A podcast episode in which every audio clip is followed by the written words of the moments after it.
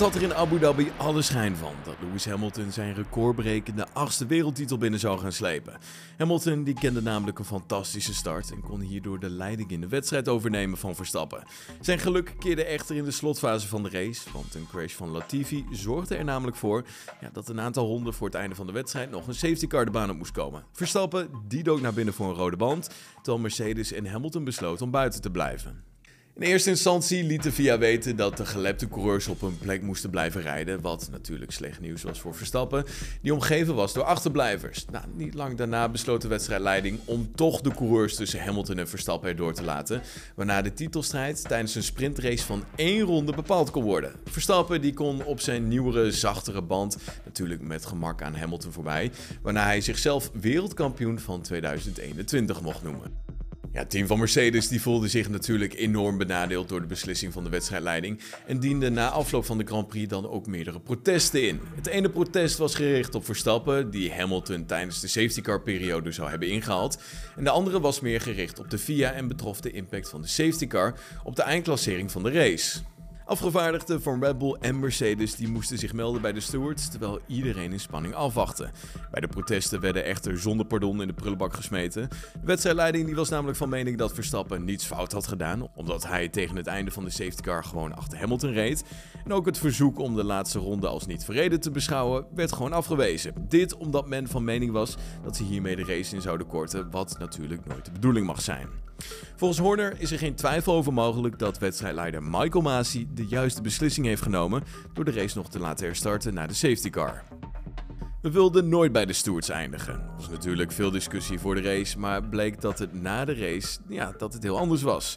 Maar ja, we racen niet met advocaten en zo. Het is jammer dat het daar beland is, maar de stewards hebben de juiste beslissing genomen. We hebben besproken dat we ze wilden laten racen. Weet je, Niki Lauda, die was de man die daar hard voor. We hebben het ook altijd gehad over het niet finishen van races onder de safety car. De race-directeur heeft vandaag in moeilijke omstandigheden absoluut de juiste beslissingen genomen. En weet je, strategisch hebben we het gewoon goed gedaan. Al dus Christian Horner. Het gevaar is echter nog niet geweken voor Red Bull en Max Verstappen, want Mercedes is namelijk in hoger beroep gegaan. Na afloop van de race werd Verstappen gefeliciteerd door Lewis Hamilton en zijn vader. Nou, het team van Mercedes liet echter op de protesten na niets meer van zich horen. Maar toch heeft Verstappen nog wel contact gehad met het team van Mercedes. Want teambaas Toto Wolff heeft namelijk contact gezocht en heeft hem een sms'je gestuurd. Toto die stuurde me een sms waarin hij me feliciteerde met het seizoen en zei dat ik het verdiende om te winnen. Zo vertelt Verstappen tegenover Sky Sports. Dat was natuurlijk aardig van hem, want de emoties die liepen de laatste ronde heel hoog op. Aan beide kanten bij beide teams. En de Nederlander die heeft het wel te doen met Hamilton. Natuurlijk helpt het dat hij ook zeven titels heeft. Ik denk dat het voor hem een beetje troost gaf, want ik denk dat als het andersom was geweest, het pijnlijker voor mij zou zijn geweest omdat ik er nog geen één had. Lewis is over het algemeen een geweldige sportman geweest. Hij kwam naar me toe en feliciteerde me. Je moet heel zwaar zijn geweest in de laatste ronde. Het toonde ook respect dat we voor elkaar hadden. In het algemeen. Zo benadrukt Max Verstappen. En vanaf 2022 zullen er niet één, maar twee Nederlandse Formule 2 teams op de grid verschijnen. Van Amersfoort Racing, die zal namelijk het vertrek in de HWA Race Lab gaan vervangen. In oktober kondigde het team al aan dat ze in de Formule 3 zouden gaan instappen, maar daar doen ze nog even een schepje bovenop. Het gloednieuwe Formule 2 team zal geleid worden door de zeer ervaren Peter van Erp. Young Driver Test die is natuurlijk aan het einde van het seizoen altijd om jonge coureurs ervaring op te laten doen in een Formule 1 wagen. Gisteren reden er ook een aantal gevestigde namen op de baan, want Pirelli die werkte gisteren en vandaag tegelijkertijd testen af voor de 18-inch banden.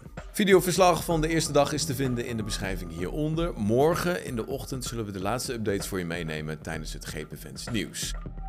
En dat was hem dan, de weekcompilatie van deze week. Heb je genoten van deze aflevering? Laat je dan horen op onze Apple Podcast pagina of vergeet ons niet te volgen op Spotify. En dan zie ik je morgen weer. Tot dan. Hoi.